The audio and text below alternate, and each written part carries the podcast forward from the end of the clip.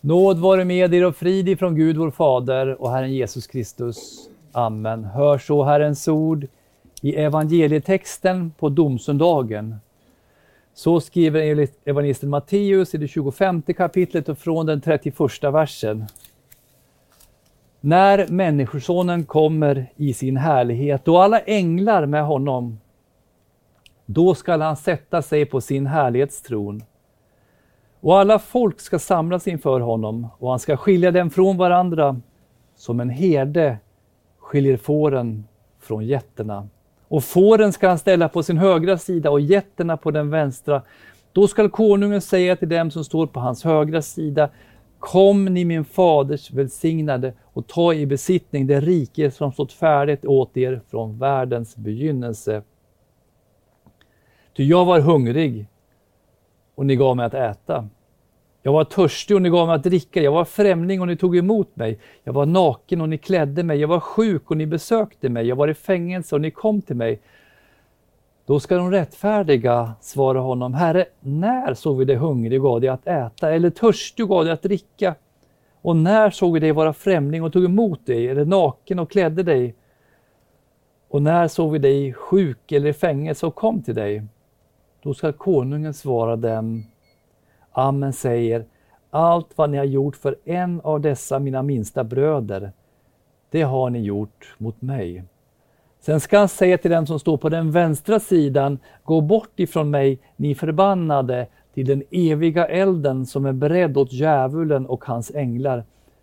Ty jag var hungrig och ni gav mig inte att äta. Jag var törstig och ni gav mig inte att dricka. Jag var främling och ni tog inte emot mig. Naken och ni klädde mig inte. Sjuk och i fängelse och ni besökte mig inte. Då ska de svara, Herre, när såg vi dig hungrig eller törstig eller som främling eller naken eller sjuk eller i fängelse och tjänade dig inte? Då skall han svara dem, Amen säger jag er, allt vad ni inte har gjort för en av dessa minsta, det har ni inte heller gjort för mig. Och dessa skall gå bort till evigt straff, men de rättfärdiga till evigt liv. Amen. Herre, helg oss i sanningen. Ditt ord är sanning. Amen.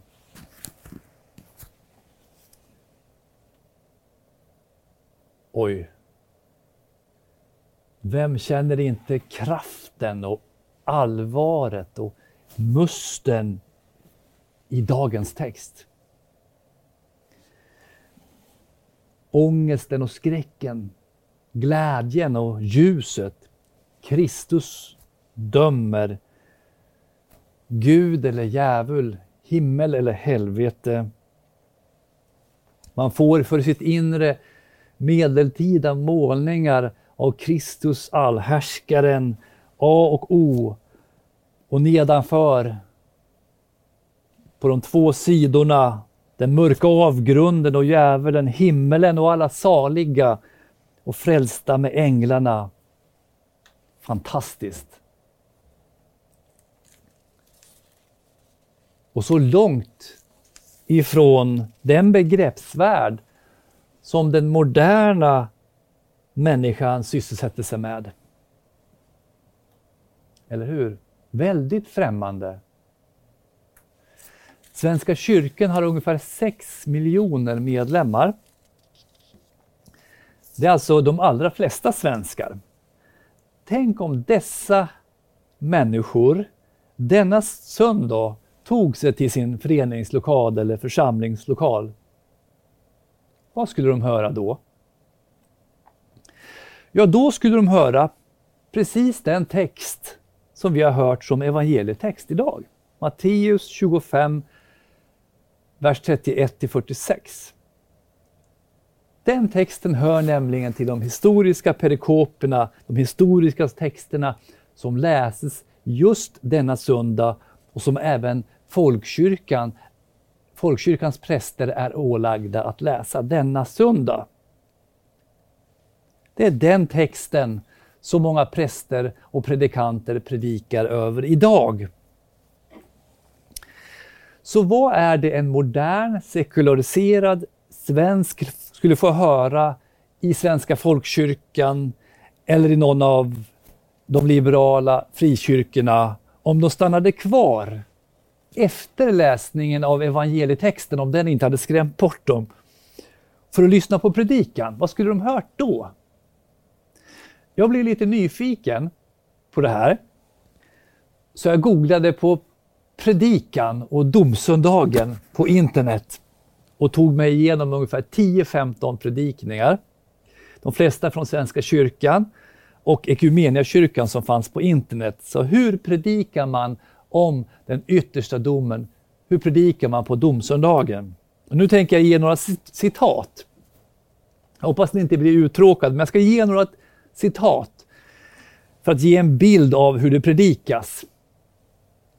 En präst från Norrmalmskyrkan, Stefan Albinsson, han säger så här.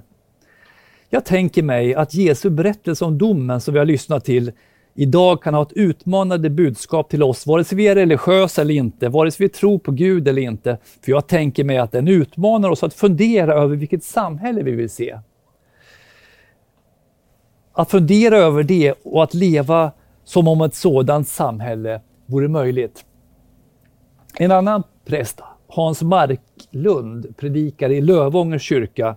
Jag kan förstå att människor vänder den kristna tron ryggen om man uppfattar budskapet som att det handlar om hur jag ska klara mig undan helvetet. Det blir väldigt egoistiskt och pluttigt. Scharfenberg, präst i Svenska utlandskyrkan i Berlin, han säger han pratar ofta om domens dag som att den kommer. Sanningen är nog att den redan är här. Vi människor dömer varandra både snabbare och förmodligen hårdare än vad Jesus någonsin skulle vilja eller kunna. Svante Zetter, eh, Zettergren, präst i, förlåt, pastor i Equmeniakyrkan i Uppsala, han säger Domsöndagen handlar inte om vad som händer med oss efter döden. Domsöndagen handlar om vad vi gör av livet och om kärlek. Och en annan predikant i kyrkan han säger Först vill jag säga, jag tror inte på den dubbla utgången. Jag tror inte att det finns ett helvete. I alla fall inte ett som av en eller annan anledning eventuellt skulle vänta på oss människor. Helvetet, det skapar vi själva på den här jorden. Och liksom vi dömer eller skickar oss själva eller varandra dit, om det finns det som Bibeln bildligt beskriver som en eld, då var det något som inte är till för oss som hela människor. Och prästen Peter ifrån Svenska kyrkan i Aneby, han säger på samma sätt. Det finns en sak, säger han, i dagens text som jag har svårt för. Där jag inte känner igen Jesus sinnelag. Och det är när det talas om ett skiljande en utsortering av de onda. Går skiljelinjen mellan oss människor eller rakt igenom oss? Är det inte så att varje människa bär på förmågan att göra oändligt ont och oändligt gott? Och prästen Jenny säger Domens dag är seendets dag. Det är då Gud ser på oss med sina kärleksfulla ögon i omsorg, Älskade människa, säger han till oss. Du vet att jag vill dig väl. Du vet att jag vill liv i oändlighet för dig, för dig och alla dina medvandrare på livets väg. Ja, nog med, nog med exempel. Tillbaka till texten. Man läser alltså evangelietexten i många kyrkor, men så förklarar man att det inte alls är som texten säger. Eller att den förmodligen betyder något helt annat än vad den säger. Får man göra så med Guds ord? Tror ni? Får man göra så med Guds ord? I dagarna har vi hört om de stora bränderna i Kalifornien. Över 7000 hus har brunnit ner Skog och samhällen har förstörts. Över 80 människor har hittills hittats döda och 1300 har anmälts försvunna. När en stor brand pågår så går man ut i radio, tidningar och TV och varnar folk Lämna era hus och hem. Sätt er i säkerhet. Vissa områden är säkra, andra är mer hotade som ligger kanske i vindriktningen. Låt oss nu säga, nu ska vi ta ett litet tankeexperiment. Låt oss nu säga att informationen från myndigheterna gick ut till TV och radiostationerna om branden och faran, om säkra och osäkra områden i Kalifornien. Låt oss säga att när TV och radiostationerna skulle vidarebefordra informationen till alla hem, att man efter att ha läst upp informationen från myndigheten sen tillägger så här från radio och tv-sida. Fast vi tror förstås inte på en sån här skräckpropaganda. Alla i hela Kalifornien bor lika säkert. Ingen kommer att drabbas av död och lidande. Skulle vi från radio och tv säga något sånt hotfullt och skrämmande, ja då skulle ju ni sluta att lyssna på oss. Eller tänk om man sa ungefär så här. Vi från radio och tv menar att det är horribelt att mena att vissa hem ska brinna upp och andra ska klara sig. Naturligtvis kommer alla att klara sig. Och elden som myndigheterna säger farlig, det är ett missförstånd. Den är nyttig.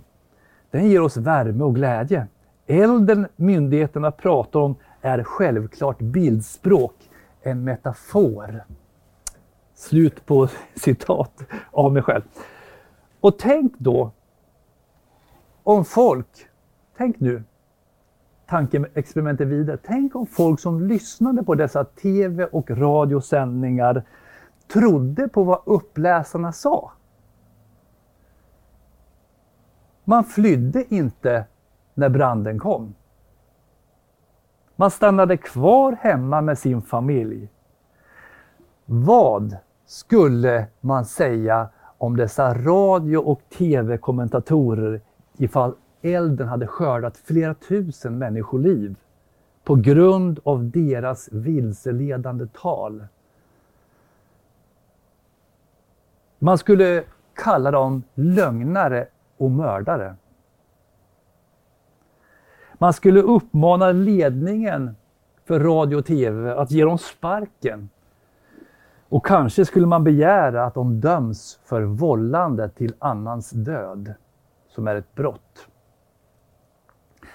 Så, tillbaka.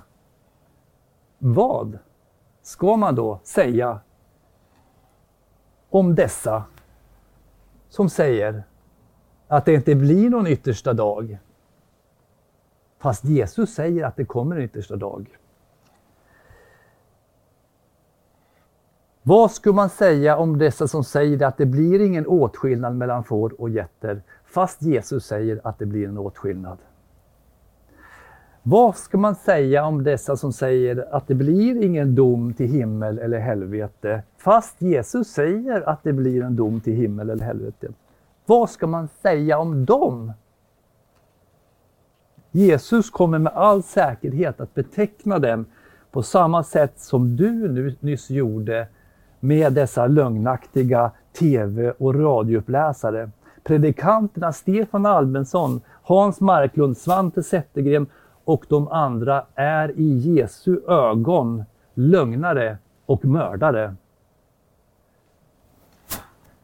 Deras brott är till och med grövre. De är upphov till mer än kroppslig, till något som är värre än kroppslig död. De är upphov till andlig och evig död och det är värre. Det är en större skada om man dör andligt och evigt än man bara, bara förlorar sin kropp och sitt hem. Om folk luras att tro att evigheten är ingenting att oroa sig för därför att det inte finns konsekvenser, allvarliga konsekvenser, om man inte bryr sig om Gud. Då vaggar man in folk i en falsk ro i en förrädisk sömn. Så, vad är det då egentligen dagens text säger? Jesus säger, när Människosonen kommer i sin härlighet och alla änglar med honom. Då skall han sätta sig på sin härlighetstron och alla folk skall samlas inför honom. Och han ska skilja dem från varandra som en herde skiljer fåren från getterna. Ja, det står faktiskt så. Ja, men Jesus gör väl inte skillnad på människor? Gud älskar väl alla, säger någon. Ja, det gör han. Men en dag kommer det att bli uppenbart vilka som hör till Gud och vilka som inte gör det. Du och jag kanske inte ser skillnaden på får och getter i en stor jord, men en erfaren herde, han ser det. Han kommer, Kristus kommer i sin härlighet och alla miljontals änglar med honom. Ljus omger honom. Miljarder änglar blir plötsligt synliga på himlen. Ja, hur var det? Änglarna. För en ängel föll människor ner av bävan. Nu kommer miljoner änglar att bli synliga på himlen. Jesus kommer synas.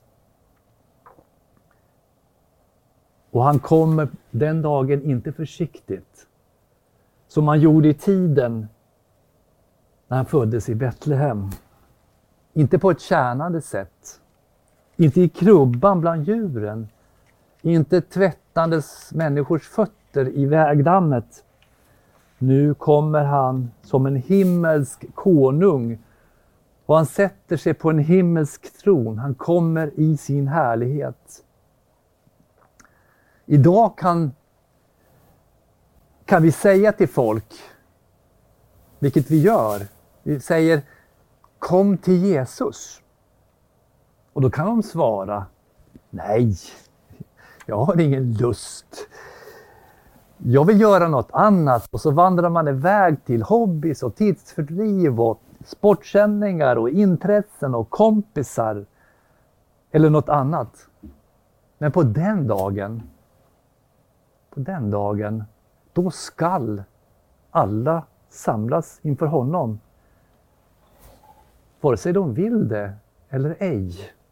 Och syftet med att han samlar dem är för att han ska skilja dem från varandra som en herde skiljer fåren från getterna. Vän kommer att skiljas från vän, broder från syster, far från sin son för evigt. Idag samlar Kristus människor till sig. Han förenar dem i den heliga kristna kyrkan, i sin kropp, i sitt tempel, för att de inte ska behöva skiljas ifrån varandra till evig tid. Men om vi inte är förenade i Kristus, i kyrkan, så går vi skilda vägar när Kristus kommer tillbaka. Det är därför som texten är så allvarlig. Det är därför det inte är likgiltigt vad man säger när man talar om den sista dagen. Prästen i Svenska kyrkan Eva Lindqvist Hotz skriver i en artikel med rubriken avskaffa domsöndagen så skriver hon följande. Tyvärr har inte svaveldoften utplånats eftersom namnet på söndagen liksom flera av texterna finns kvar. Bibelberättelserna om vad som ska ske vid tidens slut kan fortfarande skrämma slag på den frommaste kyrktant, som jag själv till exempel. Som präst och ledare för gudstjänsten frågar jag allt oftare mig vad syftet är med att fortsätta att föra dessa berättelser vidare. Slut på citat. Men, men med hennes inställning så skulle man ju inte bara avskaffa domsöndagen utan också den apostoliska trosbekännelsen. Eller hur? För varje söndag bekänner vi att Kristus skall komma tillbaka för att döma levande och döda. Det talar vi inte bara om på domsöndagen. Och domens dag och om domens dag inte innebar någonting allvarligt för människor, då hade Jesus inte uppmanat människor att vaka och vara vaksam och vara beredd till den dagen.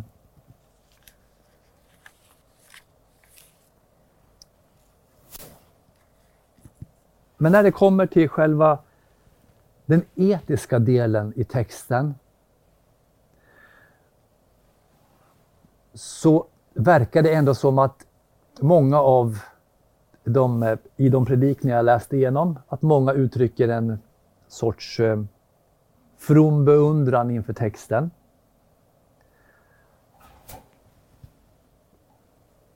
Jesus säger, jag var hungrig och ni gav mig att äta. Jag var törstig och ni gav mig att dricka. Jag var främling och ni tog emot mig.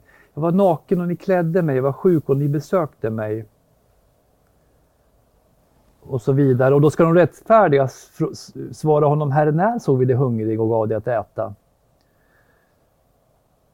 Och Jesus svarar, allt vad ni har gjort för en av dessa mina minsta bröder, det har ni gjort för mig. Vers 36. Här brukar de falska lärarna säga att Jesus talar om ett socialt engagemang. Det här handlar, säger de, om att man borde engagera sig i flyktingmottagning. Eller i Röda Korsets besöksgrupper på fängelserna. Eller hjälparbete för de fattiga. Och det är inte fel att engagera sig i detta. Det är jättebra att engagera sig i detta. För det är ju för samhällets goda och Gud vill ha ett gott samhälle. Men det här är inte vad Jesus talar om i Matteus 25. Vem som helst som vill undersöka detta kan ju, finns ju på internet och det finns bibelprogram, Du kan ju söka på bröder om mina minsta eller dessa små eller mina minsta bröder i ett bibelprogram. Då ska man se att orden syftar aldrig på människor i största allmänhet. Gemene man. Orden, i i orden syftar i evangelierna på Jesu lärjungar. På dem som var satta att förkunna hans ord. Det är därför Jesus säger i Matteus 10, vers 40. Den som tar emot er tar emot mig. Han säger detta till sina lärjungar. Och den som tar emot mig tar emot honom som har sänt mig. Den som tar emot en profet därför att det är en profet, han ska få en profets lön. Och den som tar emot en rättfärdig man därför att det är en rättfärdig, han ska få en rättfärdig mans lön. Och den som ger en av, en av dessa små en bägare friskt vatten att dricka därför att det är en lärjunge. Amen säger, han ska inte gå miste om sin lön. När Jesus hade gett sina tolv lärjungar alla dessa föreskrifter gick han därifrån för att undervisa och predika i deras städer. Så varför var agerandet mot Jesu lärjungar viktigt? Svar. Därför att det visade hur man ställde sig till lärjungarnas budskap. Och lärjungarnas budskap var Jesu budskap. Och hur man ställde sig till Jesu budskap visade hur man ställde sig till Jesus själv. Så ytterst handlar domsöndagen om hur man ställer sig till Jesus själv. Efter pingstdagen, när förföljelsen kom så tog de troende hand om Jesu lärjungar. När Petrus hamnade i fängelse så bad de troende för honom. När Paulus hamnade i fängelse så besökte eh, Timoteus och Lukas honom. När apostlarna for runt i olika städer och predikade så tog de troende hand om dessa och gav dem mat och husrum. Dessa handlade, Detta handlade om dessa gärningar, dessa handlingar handlade om en hängivenhet, inte främst för dessa personer, utan för Jesus själv som sagt. Den som tar emot er tar emot mig. Det är också därför Jesus säger idag, dag, allt vad ni har gjort för en av dessa mina minsta bröder, det har ni gjort mot mig.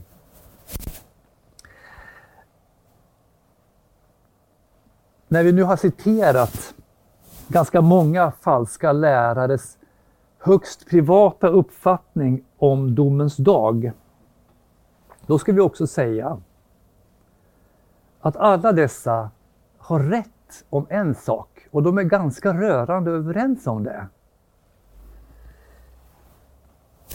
Och vad är det? Jo, det är att Gud är kärlek. Att Gud älskar alla människor. Att Gud vill att alla människor ska bli frälsta. Det säger de. Och då svarar vi, ja, det har ni rätt i. Det är sant. Gud vill ingen syndares död. Gud är också rättfärdig. Det blir en åtskillnad mellan ont och gott, mellan ljus och mörker, mellan sant och falskt på den yttersta dagen. Det är inte så att alla hör Gud till. Inte alla är får.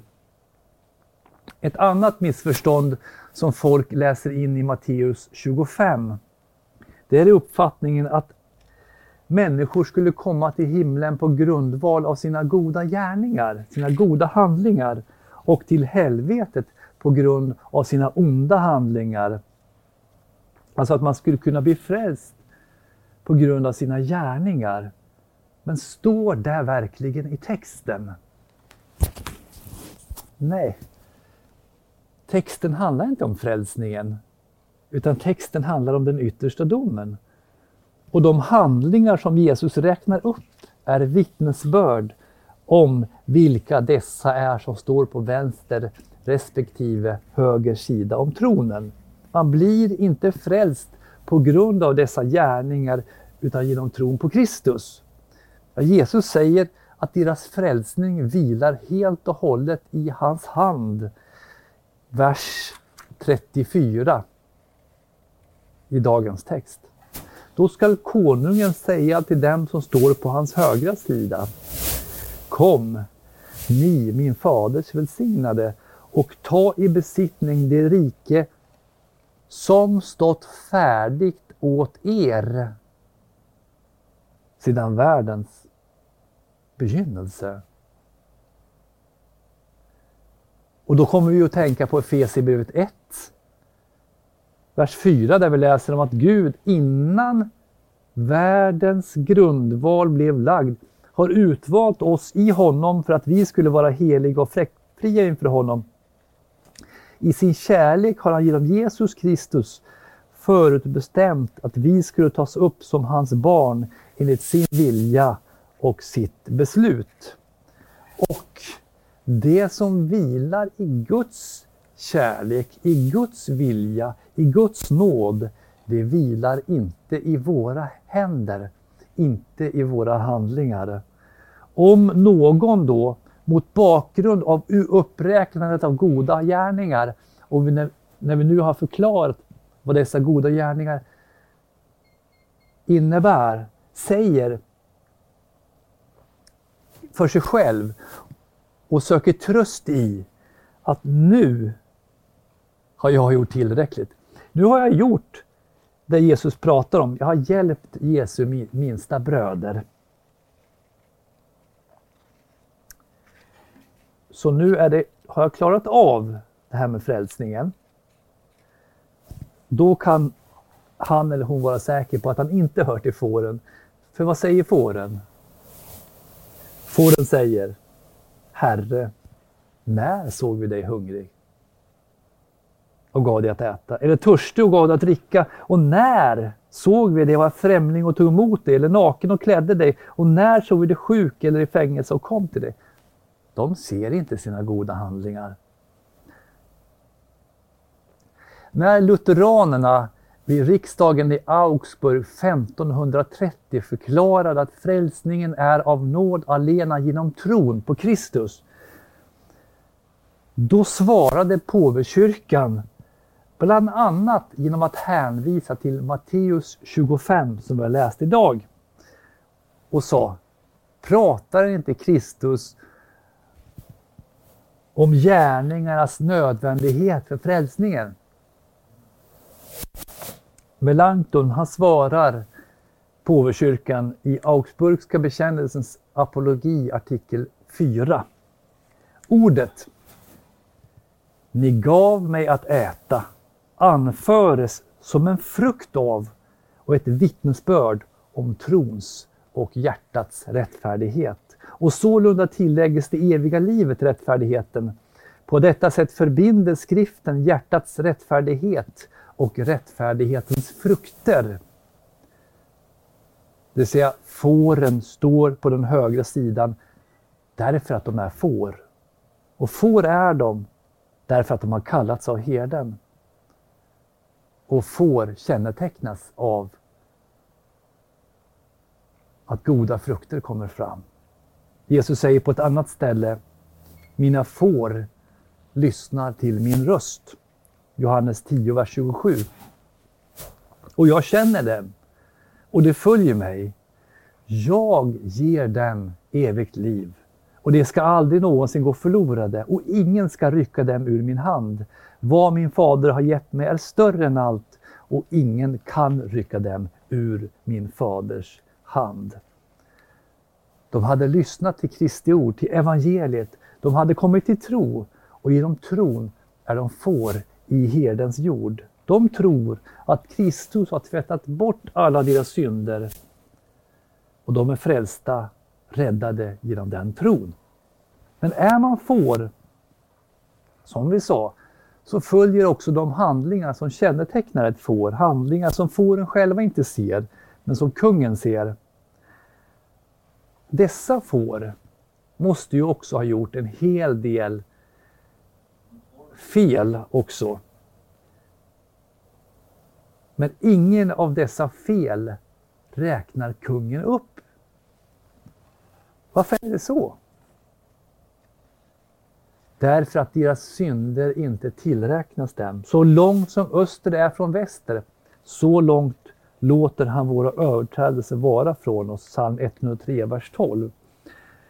I Kristus är vi friköpta genom hans blod och har förlåtelse för våra synder på grund av den rika nåd. Efesierbrevet 1 och 7. Därför ser kungen inga synder hos Guds barn, hos fåren. Gud säger, det är jag som för min egen skull stryker ut dina överträdelser. Dina synder kommer jag inte mer ihåg. Dessa som tror kallas min faders välsignade, de kallas rättfärdiga. Och vi läser vidare. Sedan skall han säga till dem som står på den vänstra sidan, gå bort ifrån mig ni förbannade till den eviga elden som är beredd åt djävulen och hans änglar. Vi har inte rätt att läsa texten annorlunda än vad den säger. Det finns evigt liv med Gud och det finns evigt straff. Och den sanningen genomsyrar hela Bibeln. Kristus säger i Johannes 3 och 17 Inte sände Gud sin son till världen för att döma världen utan för att världen skulle bli frälst genom honom. Och här sätter många punkt. Och så säger man inte mer. Men om vi läser i versen efter, vad står det där? Vers 18 i Johannes 3. Den som tror på honom blir inte dömd. Men den som inte tror är redan dömd eftersom han inte tror på Guds enfödde sons namn. Och på ett annat ställe säger Jesus, Markus 16 och 16. Den som tror och blir döpt ska bli frälst, men den som inte tror skall bli fördömd. Det går inte att bortförklara den eviga skilsmässan, det eviga straffet i helvetet. Hur besvärligt det än är och hur besvärligt det än känns. Det går inte heller att bortförklara Guds nåd och kärlek.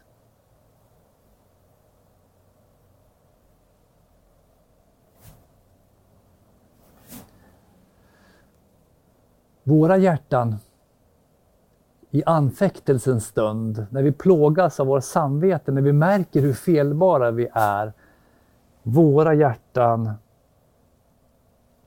försöker sig på detta konststycke ibland, att bortförklara Guds kärlek, åtminstone för min egen del. Gud älskar väl de flesta människor, men inte mig. För han har nog gett upp nu. Jag är ett hopplöst fall. Eh, och jag har gjort så mycket dumheter så Gud har nog tröttat på mig. Men lika lite som vi får bortförklara Guds vrede, Guds rättfärdighet, som får bortförklara Guds kärlek. Att Gud vill att alla människor ska bli frälsta. Och vill Gud att alla människor ska bli frälsta, då vill han att just du och jag också ska bli frälsta.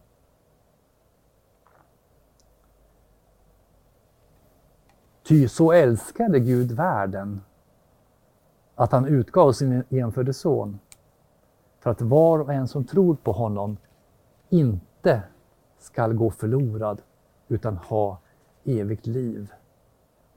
Amen.